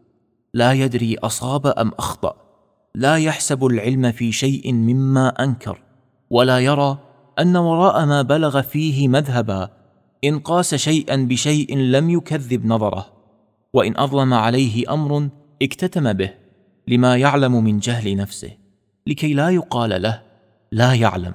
ثم جسر فقضى فهو مفتاح عشوات ركاب شبهات خباط جهالات لا يعتذر مما لا يعلم فيسلم ولا يعض في العلم بضرس قاطع فيغنم. يذري الروايات ذرو الريح الهشيم تبكي منه المواريث وتصرخ منه الدماء. يستحل بقضائه الفرج الحرام ويحرم بقضائه الفرج الحلال. لا مليء بإصدار ما عليه ورد ولا هو أهل لما منه فرض من ادعائه علم الحق. الحديث السابع الحسين بن محمد عن معل بن محمد عن الحسن بن علي الوشاء عن أبان بن عثمان عن أبي شيبة الخراساني قال سمعت أبا عبد الله عليه السلام يقول إن أصحاب المقاييس طلبوا العلم بالمقاييس. فلم تزدهم المقاييس من الحق إلا بعدا وإن دين الله لا يصاب بالمقاييس. الحديث الثامن علي بن إبراهيم عن أبيه ومحمد بن إسماعيل عن الفضل بن شاذان رفعه عن أبي جعفر وأبي عبد الله عليهما السلام قالا كل بدعة ضلالة وكل ضلالة سبيلها إلى النار. الحديث التاسع. علي بن إبراهيم عن أبيه عن ابن أبي عمير عن محمد بن حكيم قال قلت لأبي الحسن موسى عليه السلام جعلت فداك. فقهنا في الدين وأغنانا الله بكم عن الناس حتى أن الجماعة منا لتكون في المجلس ما يسأل رجل صاحبه تحضره المسألة ويحضره جوابها فيما من الله علينا بكم. فربما ورد علينا الشيء لم يأتنا فيه عنك ولا عن آبائك شيء فنظرنا إلى أحسن ما يحضرنا وأوفق الأشياء لما جاءنا عنكم فنأخذ به؟ فقال هيهات هيهات في ذلك والله هلك من هلك يا ابن حكيم. قال ثم قال لعن الله أبا حنيفة. كان يقول قال علي وقلت. قال محمد بن حكيم لهشام بن الحكم والله ما أردت إلا أن يرخص لي في القياس. الحديث العاشر. محمد بن أبي عبد الله رفعه عن يونس بن عبد الرحمن. قال قلت لأبي الحسن الأول عليه السلام بما أوحد الله عز وجل؟ فقال يا يونس لا تكونن مبتدعا. من نظر برأيه هلك ومن ترك أهل بيت نبيه صلى الله عليه وآله ضل. ومن ترك كتاب الله وقول نبيه كفر. الحديث الحادي عشر. محمد بن يحيى عن أحمد بن محمد عن الوشاء عن مثنى الحناط عن أبي بصير قال قلت لأبي عبد الله عليه السلام ترد علينا أشياء ليس نعرفها في كتاب الله ولا سنة فننظر فيها؟ فقال لا أما إنك إن أصبت لم تؤجر وإن أخطأت كذبت على الله عز وجل. الحديث الثاني عشر. عدة من أصحابنا. عن أحمد بن محمد بن عيسى عن علي بن الحكم عن عمر بن أبان الكلبي عن عبد الرحيم القصير عن أبي عبد الله عليه السلام قال قال رسول الله صلى الله عليه وآله كل بدعة ضلالة وكل ضلالة في النار. الحديث الثالث عشر. علي بن إبراهيم عن محمد بن عيسى بن عبيد عن يونس بن عبد الرحمن عن سماعة بن مهران عن أبي الحسن موسى عليه السلام قال قلت أصلحك الله. إنا نجتمع فنتذاكر ما عندنا فلا يرد علينا شيء إلا وعندنا فيه شيء مسطر وذلك مما أنعم الله به علينا بكم ثم يرد علينا الشيء الصغير ليس عندنا فيه شيء فينظر بعضنا إلى بعض وعندنا ما يشبهه فنقيس على أحسنه؟ فقال وما لكم وللقياس إنما هلك من هلك من قبلكم بالقياس. ثم قال إذا جاءكم ما تعلمون فقولوا به وإن جاءكم ما لا تعلمون فها وأهوى بيده إلى فيه. ثم قال لعن الله أبا حنيفة. كان يقول قال علي وقلت أنا وقالت الصحابة وقلت ثم قال أكنت تجلس إليه؟ فقلت لا ولكن هذا كلامه. فقلت أصلحك الله. أتى رسول الله صلى الله عليه وآله الناس بما يكتفون به في عهده؟ فقال نعم وما يحتاجون إليه إلى يوم القيامة. فقلت فضاع من ذلك شيء؟ فقال لا هو عند أهله. الحديث الرابع عشر. عنه عن محمد عن يونس عن أبان عن أبي شيبة. قال سمعت أبا عبد الله عليه السلام يقول ضل علم ابن شبرمة عند الجامعة إملاء رسول الله صلى الله عليه وآله وخط علي عليه السلام بيده إن الجامعة لم تدع لأحد كلاما فيها علم الحلال والحرام. إن أصحاب القياس طلبوا العلم بالقياس فلم يزدادوا من الحق إلا بعدا. إن دين الله لا يصاب بالقياس. الحديث الخامس عشر. محمد بن إسماعيل عن الفضل بن شاذان عن صفوان بن يحيى عن عبد الرحمن بن الحجاج عن أبان بن تغلب عن أبي عبد الله عليه السلام قال إن السنة لا تقاس. ألا ترى أن امرأة تقضي صومها ولا تقضي صلاتها؟ يا أبان إن السنة إذا قيست محق الدين. الحديث السادس عشر. عدة من أصحابنا عن أحمد بن محمد عن عثمان بن عيسى قال سألت أبا الحسن موسى عليه السلام عن القياس فقال ما لكم والقياس؟ إن الله لا يسأل كيف أحل وكيف حرم. الحديث السابع عشر. علي بن إبراهيم عن هارون بن مسلم عن مسعدة بن صدقة قال حدثني جعفر عن أبيه عليه السلام أن عليا عليه السلام قال من نصب نفسه للقياس لم يزل دهره في التباس ومن دان الله بالرأي لم يزل دهره في ارتماس قال وقال أبو جعفر عليه السلام من أفتى الناس برأيه فقد دان الله بما لا يعلم. ومن دان الله بما لا يعلم فقد ضاد الله حيث أحل وحرم فيما لا يعلم. الحديث الثامن عشر. محمد بن يحيى. عن أحمد بن محمد. عن الحسن بن علي بن يقطين. عن الحسين بن مياح. عن أبيه. عن أبي عبد الله عليه السلام قال إن إبليس قاس نفسه بآدم. فقال خلقتني من نار وخلقته من طين. فلو قاس الجوهر الذي خلق الله منه آدم بالنار كان ذلك أكثر نورا وضياء من النار. الحديث التاسع عشر. علي بن إبراهيم. عن محمد بن عيسى بن عبيد. عن يونس. عن حريز. عن زرارة. قال سألت أبا عبد الله عليه السلام عن الحلال والحرام. فقال حلال محمد حلال أبدا إلى يوم القيامة وحرامه حرام أبدا إلى يوم القيامة. لا يكون غيره ولا يجيء غيره. وقال قال علي عليه السلام ما أحد ابتدع بدعة إلا ترك بها سنة. الحديث العشرون علي بن إبراهيم عن أبيه عن أحمد بن عبد الله العقيلي عن عيسى بن عبد الله القرشي قال دخل أبو حنيفة على أبي عبد الله عليه السلام فقال له يا أبا حنيفة بلغني أنك تقيس. قال نعم. قال لا تقس فإن أول من قاس إبليس حين قال خلقتني من نار وخلقته من طين. فقاس ما بين النار والطين ولو قاس نورية آدم بنورية النار عرف فضل ما بين النورين. وصفاء أحدهما على الآخر. الحديث الواحد والعشرون. علي عن محمد بن عيسى عن يونس عن قتيبة قال سأل رجل أبا عبد الله عليه السلام عن مسألة فأجابه فيها فقال الرجل أرأيت إن كان كذا وكذا؟ ما كان يكون القول فيها؟ فقال له مه. ما أجبتك فيه من شيء فهو عن رسول الله صلى الله عليه وآله. لسنا من أرأيت في شيء. الحديث الثاني والعشرون.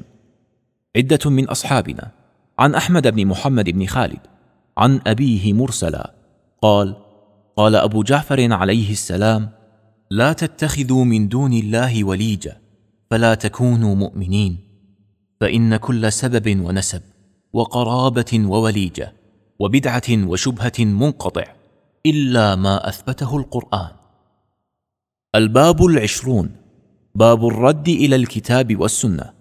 وأنه ليس شيء من الحلال والحرام وجميع ما يحتاج الناس إليه إلا وقد جاء فيه كتاب أو سنة. الحديث الأول.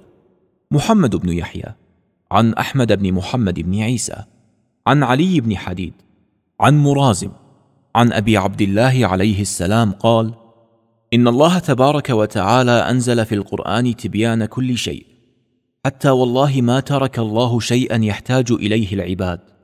حتى لا يستطيع عبد يقول لو كان هذا أنزل في القرآن إلا وقد أنزله الله فيه. الحديث الثاني علي بن إبراهيم عن محمد بن عيسى عن يونس عن حسين بن المنذر عن عمر بن قيس عن أبي جعفر عليه السلام قال سمعته يقول إن الله تبارك وتعالى لم يدع شيئا تحتاج إليه الأمة إلا أنزله في كتابه وبينه لرسوله صلى الله عليه وآله وجعل لكل شيء حدا وجعل عليه دليلا يدل عليه وجعل على من تعدى ذلك الحد حدا. الحديث الثالث علي عن محمد عن يونس عن أبان عن سليمان بن هارون قال سمعت أبا عبد الله عليه السلام يقول ما خلق الله حلالا ولا حراما إلا وله حد كحد الدار. فما كان من الطريق فهو من الطريق وما كان من الدار فهو من الدار حتى أرش الخدش فما سواه والجلدة ونصف الجلدة. الحديث الرابع علي عن محمد بن عيسى عن يونس عن حماد عن أبي عبد الله عليه السلام قال سمعته يقول ما من شيء إلا وفيه كتاب أو سنة. الحديث الخامس علي بن إبراهيم عن محمد بن عيسى عن يونس عن حماد عن عبد الله بن سنان عن أبي الجارود قال قال أبو جعفر عليه السلام إذا حدثتكم بشيء فاسألوني من كتاب الله. ثم قال في بعض حديثه إن رسول الله صلى الله عليه وآله وسلم نهى عن القيل والقال وفساد المال وكثرة السؤال.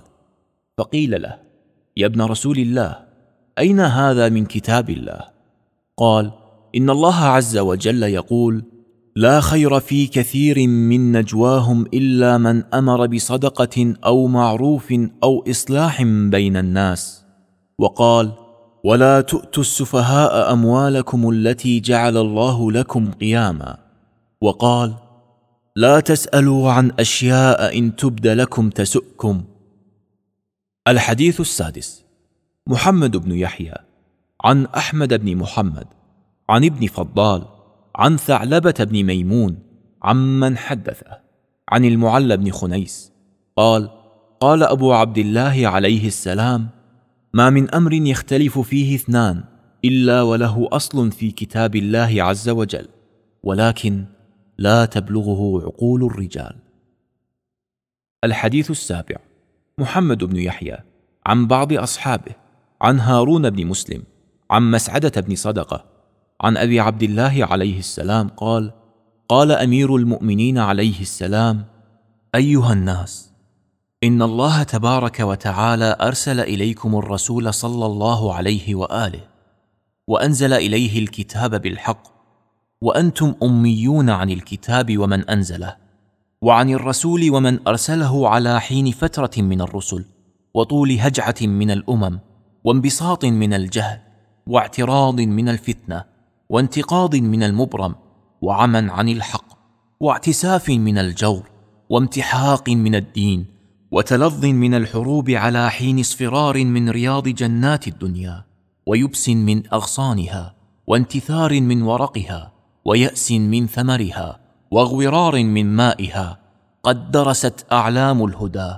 وظهرت أعلام الردى فالدنيا متجهمة في وجوه أهلها مكفهرة مدبرة غير مقبلة ثمرتها الفتنة وطعامها الجيفه وشعارها الخوف ودثارها السيف مزقتم كل ممزق وقد أعمت عيون أهلها وأظلمت عليها أيامها قد قطعوا أرحامهم وسفكوا دماءهم ودفنوا في التراب الموءوده بينهم من أولادهم يجتاز دونهم طيب العيش ورفاهية خفوض الدنيا.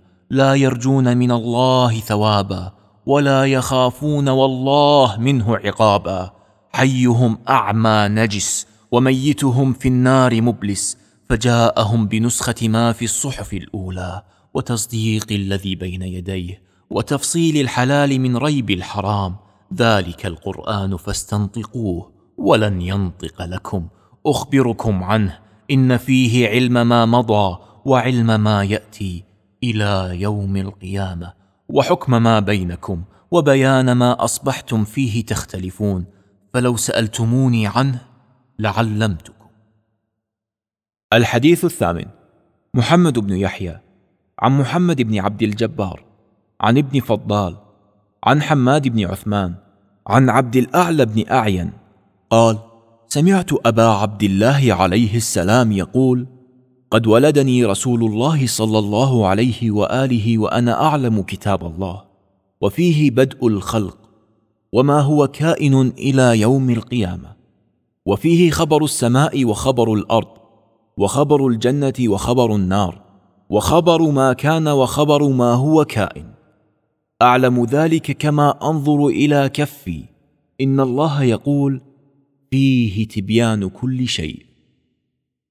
الحديث التاسع. عدة من أصحابنا. عن أحمد بن محمد بن عيسى. عن علي بن النعمان. عن إسماعيل بن جابر. عن أبي عبد الله عليه السلام قال كتاب الله فيه نبأ ما قبلكم وخبر ما بعدكم وفصل ما بينكم ونحن نعلمه. الحديث العاشر. عدة من أصحابنا. عن أحمد بن محمد بن خالد. عن إسماعيل بن مهران عن سيف بن عميرة عن أبي المغراء عن سماعة عن أبي الحسن موسى عليه السلام قال قلت له أكل شيء في كتاب الله وسنة نبيه صلى الله عليه وآله؟ أو تقولون فيه؟ قال بل كل شيء في كتاب الله وسنة نبيه صلى الله عليه وآله. الباب الواحد والعشرون. باب اختلاف الحديث. الحديث الأول علي بن إبراهيم بن هاشم عن أبيه عن حماد بن عيسى عن إبراهيم بن عمر اليماني عن أبان بن أبي عياش عن سليم بن قيس الهلالي. قال قلت لأمير المؤمنين عليه السلام إني سمعت من سلمان والمقداد وأبي ذر شيئا من تفسير القرآن. وأحاديث عن نبي الله صلى الله عليه وآله غير ما في أيدي الناس. ثم سمعت منك تصديق ما سمعت منهم ورأيت في أيدي الناس أشياء كثيرة من تفسير القرآن ومن الأحاديث عن نبي الله صلى الله عليه وآله.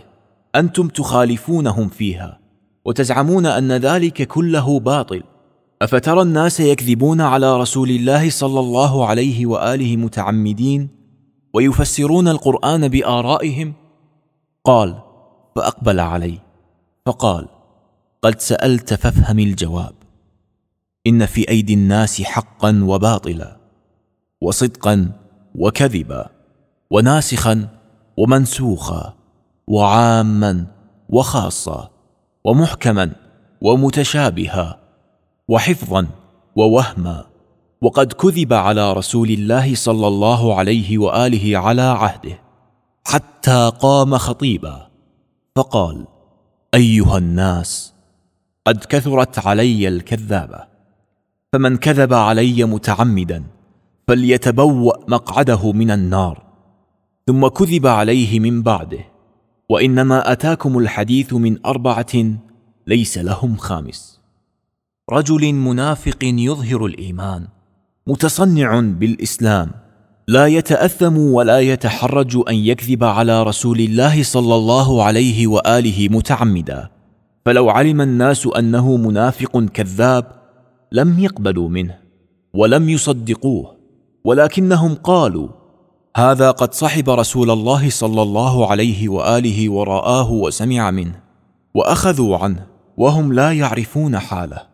وقد أخبره الله عن المنافقين بما أخبره ووصفهم بما وصفهم.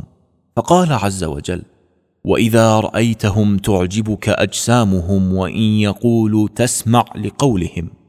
ثم بقوا بعده فتقربوا إلى أئمة الضلالة والدعاة إلى النار بالزور والكذب والبهتان فولوهم الأعمال وحملوهم على رقاب الناس وأكلوا بهم الدنيا وإنما الناس مع الملوك والدنيا إلا من عصم الله. فهذا أحد الاربعه ورجل سمع من رسول الله صلى الله عليه وآله شيئا لم يحفظه على وجهه ووهم فيه ولم يتعمد كذبا. فهو في يده يقول به ويعمل به ويرويه فيقول أنا سمعته من رسول الله صلى الله عليه وآله. فلو علم المسلمون أنه وهم لم يقبلوه ولو علم هو أنه وهم لرفضه. ورجل ثالث سمع من رسول الله صلى الله عليه وآله شيئا أمر به ثم نهى عنه وهو لا يعلم. أو سمعه ينهى عن شيء ثم أمر به وهو لا يعلم. فحفظ منسوخه ولم يحفظ الناسخ.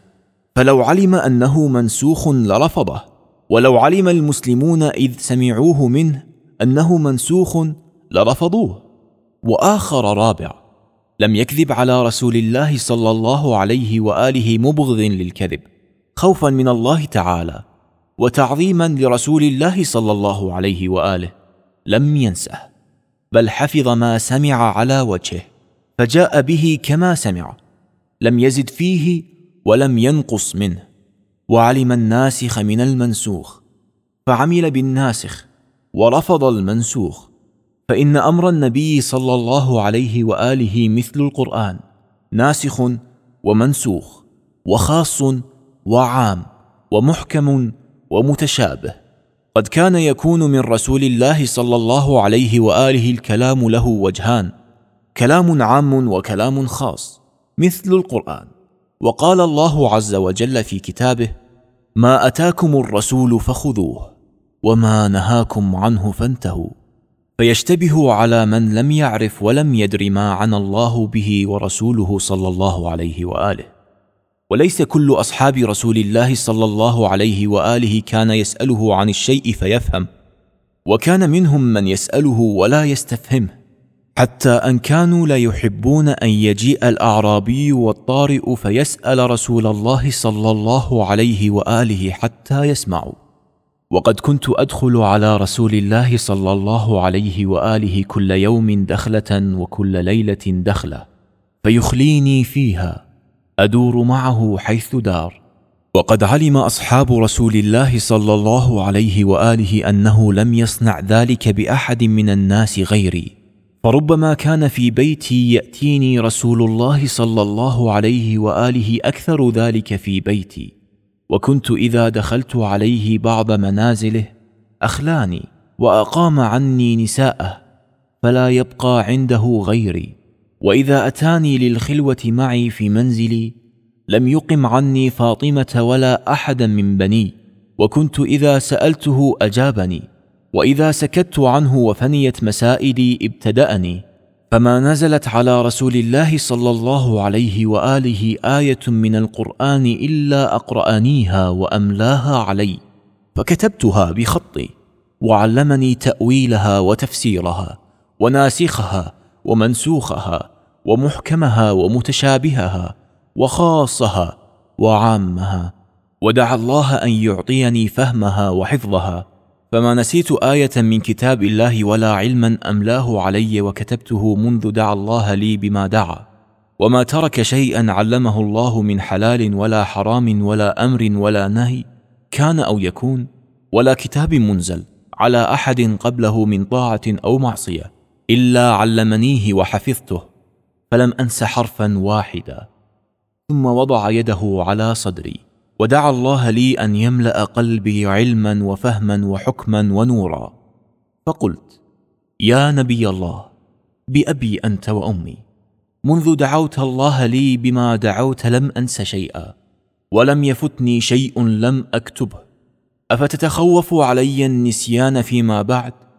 فقال لا لست أتخوف عليك النسيان والجهل. الحديث الثاني عدة من أصحابنا عن أحمد بن محمد عن عثمان بن عيسى عن أبي أيوب الخراز عن محمد بن مسلم. عن أبي عبد الله عليه السلام قال قلت له ما بال أقوام يروون عن فلان وفلان عن رسول الله صلى الله عليه وآله لا يتهمون بالكذب فيجيء منكم خلافه. قال إن الحديث ينسخ كما ينسخ القرآن. الحديث الثالث علي بن إبراهيم عن أبيه عن ابن أبي نجران عن عاصم بن حميد عن منصور بن حازم قال قلت لأبي عبد الله عليه السلام ما بالي أسألك عن المسألة فتجيبني فيها بالجواب. ثم يجيئك غيري فتجيبه فيها بجواب آخر فقال إنا نجيب الناس على الزيادة والنقصان. قال قلت فأخبرني عن أصحاب رسول الله صلى الله عليه وآله. صدقوا على محمد أم كذبوا؟ قال بل صدقوا. قلت فما بالهم اختلفوا؟ فقال أما تعلم أن الرجل كان يأتي رسول الله صلى الله عليه وآله فيسأله عن المسألة فيجيبه فيها بالجواب ثم يجيبه بعد ذلك بما ينسخ ذلك الجواب. فنسخت الأحاديث بعضها بعضا. الحديث الرابع علي بن محمد عن سهل بن زياد عن ابن محبوب عن علي بن رئاب عن أبي عبيدة عن أبي جعفر عليه السلام قال قال لي يا زياد ما تقول لو أفتينا رجلا ممن يتولانا بشيء من التقية؟ قال قلت له أنت أعلم جعلت فداك. قال إن أخذ به فهو خير له وأعظم اجرا وفي رواية أخرى إن أخذ به أوجر وإن تركه والله أثم. الحديث الخامس أحمد بن إدريس عن محمد بن عبد الجبار عن الحسن بن علي عن ثعلبة بن ميمون عن زرارة بن أعين عن أبي جعفر عليه السلام قال سألته عن مسألة فأجابني ثم جاءه رجل فسأله عنها فأجابه بخلاف ما أجابني. ثم جاء رجل آخر فأجابه بخلاف ما أجابني وأجاب صاحبي. فلما خرج الرجلان قلت يا ابن رسول الله رجلان من أهل العراق من شيعتكم قدما يسألان فأجبت كل واحد منهما بغير ما أجبت به صاحبه. فقال يا زرارة إن هذا خير لنا وأبقى لنا ولكم ولو اجتمعتم على أمر واحد لصدقكم الناس علينا ولكان أقل لبقائنا وبقائكم.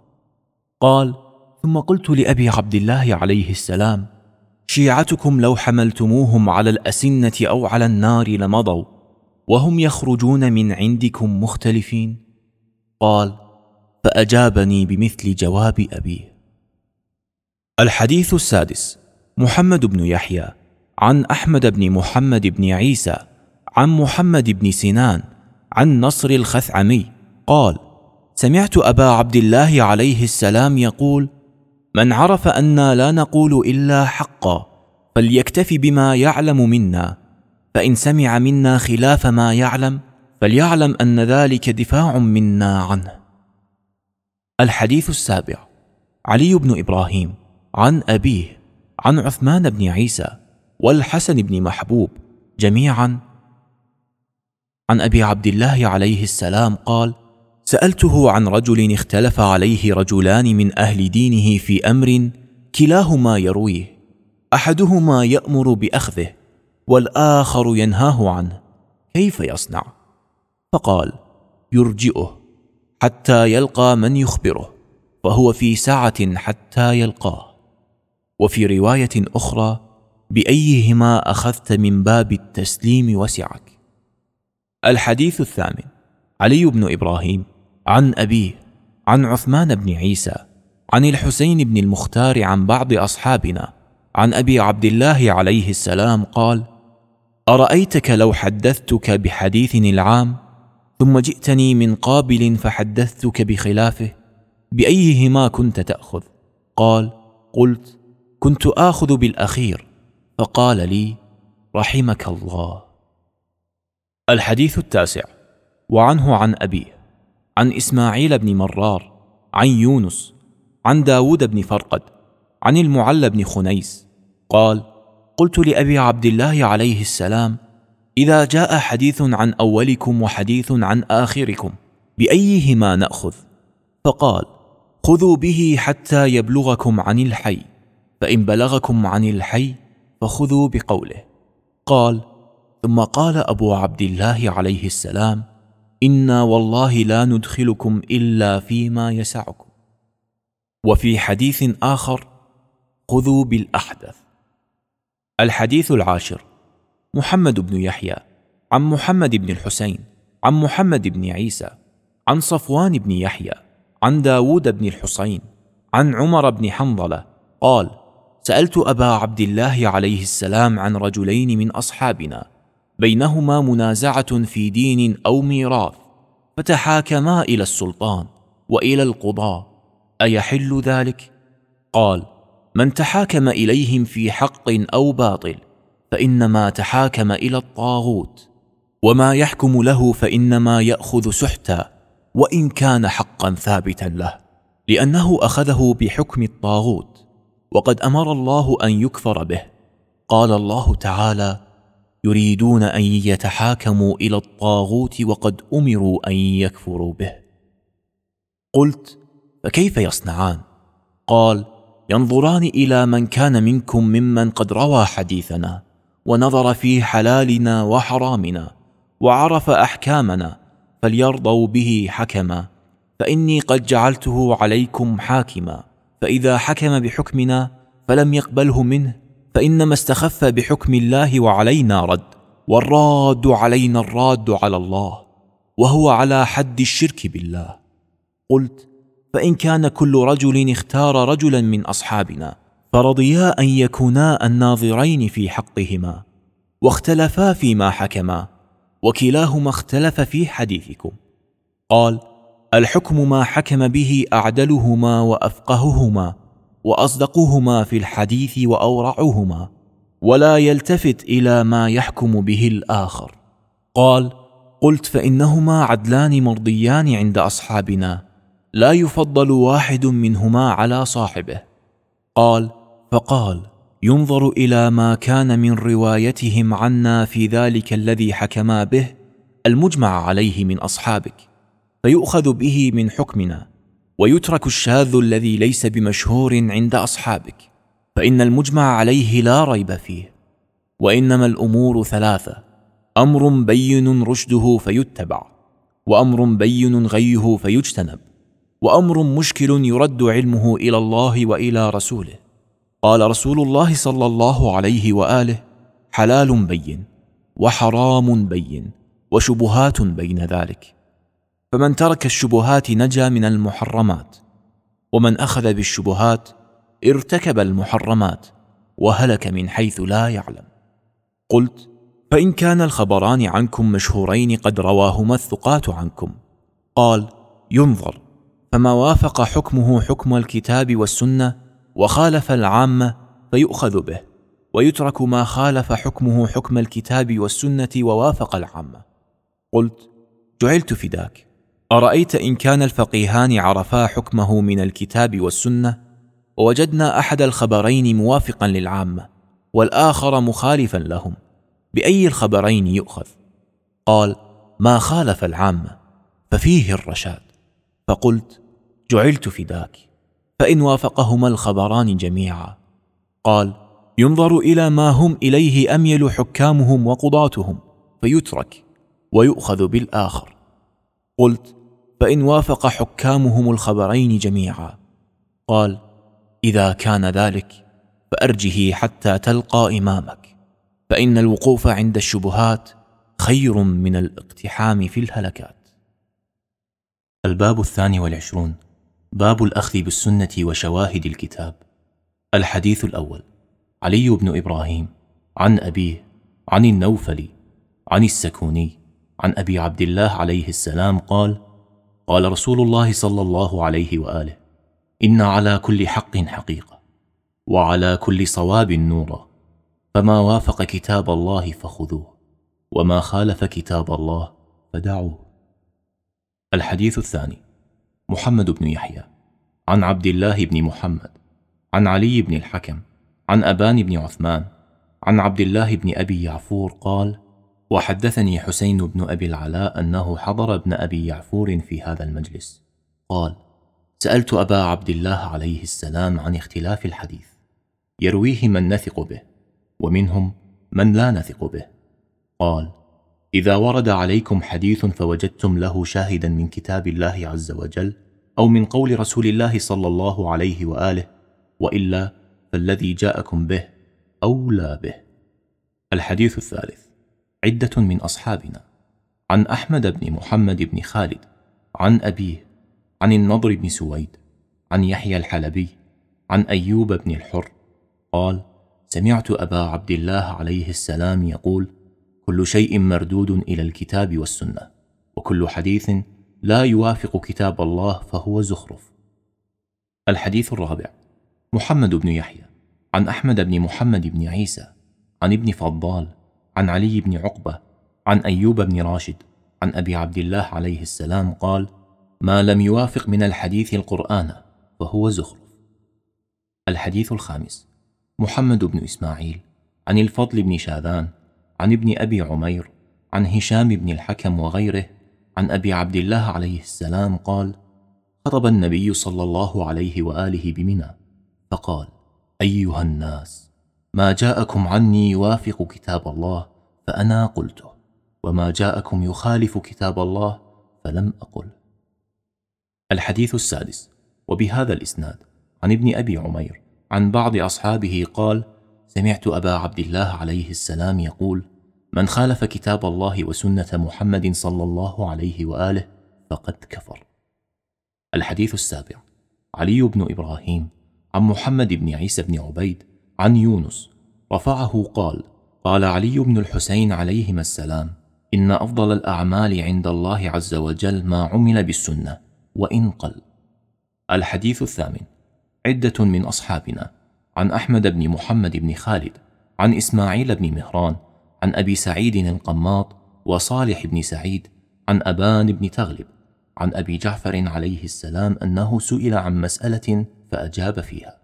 قال فقال الرجل إن الفقهاء لا يقولون هذا. فقال يا ويحك وهل رأيت فقيها قط؟ إن الفقيه حق الفقيه الزاهد في الدنيا الراغب في الآخرة المتمسك بسنة النبي صلى الله عليه وآله. الحديث التاسع. عدة من أصحابنا عن أحمد بن محمد بن خالد عن أبيه عن أبي إسماعيل إبراهيم بن إسحاق الأزدي عن أبي عثمان العبدي عن جعفر عن آبائه. عن أمير المؤمنين عليهم السلام قال قال رسول الله صلى الله عليه وآله لا قول إلا بعمل ولا قول ولا عمل إلا بنية ولا قول ولا عمل ولا نية إلا بإصابة السنة. الحديث العاشر. علي بن إبراهيم عن أبيه عن أحمد بن النضر عن عمرو بن شمر عن جابر عن أبي جعفر عليه السلام قال ما من أحد إلا وله شرة وفترة. فمن كانت فترته إلى سنة فقد اهتدى. ومن كانت فترته إلى بدعة فقد غوى. الحديث الحادي عشر. علي بن محمد. عن أحمد بن محمد البرقي. عن علي بن حسان ومحمد بن يحيى. عن سلمة بن الخطاب. عن علي بن حسان. عن موسى بن بكر. عن زرارة بن أعين. عن أبي جعفر عليه السلام قال كل من تعدى السنة رد إلى السنة. الحديث الثاني عشر. علي بن إبراهيم عن أبيه عن النوفل عن السكوني عن أبي عبد الله عليه السلام عن آبائه عليهم السلام قال قال أمير المؤمنين عليه السلام السنة سنتان سنة في فريضة الأخذ بها هدى وتركها ضلالة وسنة في غير فريضة الأخذ بها فضيلة وتركها إلى غير خطيئة. تم كتاب فضل العلم. والحمد لله رب العالمين وصلى الله على محمد وآله الطاهرين.